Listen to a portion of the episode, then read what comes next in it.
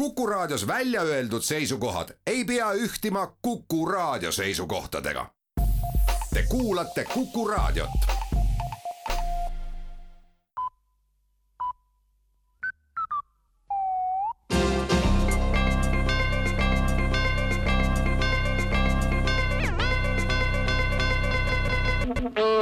tere kuulama, uudistega eetris Rohke Debelak ornitoloogid on talve teises pooles täheldanud peibutuspartide tavapärasemast suuremat esinemissagedust, lisaks on harva esinevate eksikülalistena saabunud ka arvukalt peibutushanesid ja kummalise arumaaliana ka kahe liigi eelnenud segu. peibutusparte on mõlemast soost ja järglasi nad tavaliselt omavahel ei anna, käituvad nad alguses nii, nagu neil oleks plaanis hakata ära lendama, kuid siis viimasel hetkel siiski otsustatakse Eestis edasi muneda. tegevust saadab vali kaagutamine, peibutuspardid kogunevad parvedesse märtsi alguses, alguses määrivad maja seinu ja prügikaste ja lendavad siis Haljala oksale tagasi.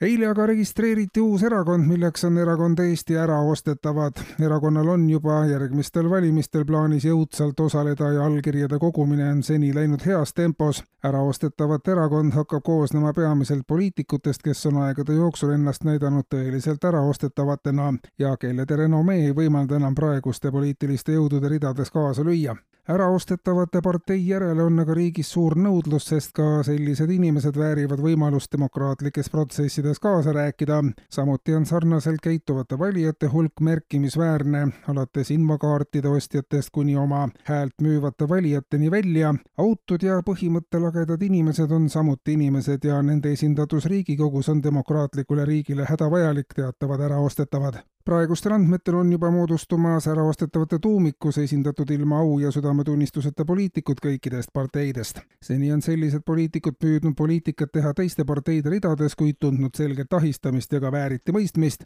esialgu loodab erakond Eesti äraostetavat koguda parlamendis kakskümmend kohta.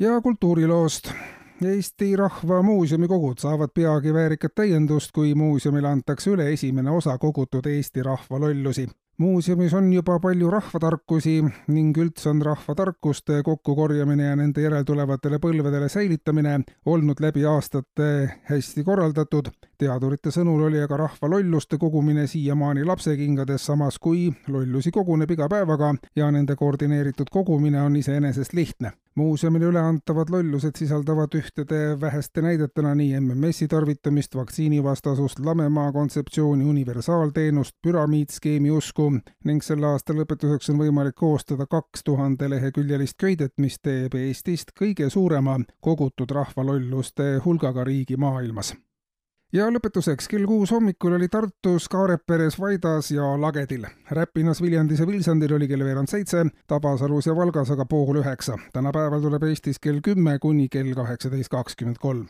kuulsite uudiseid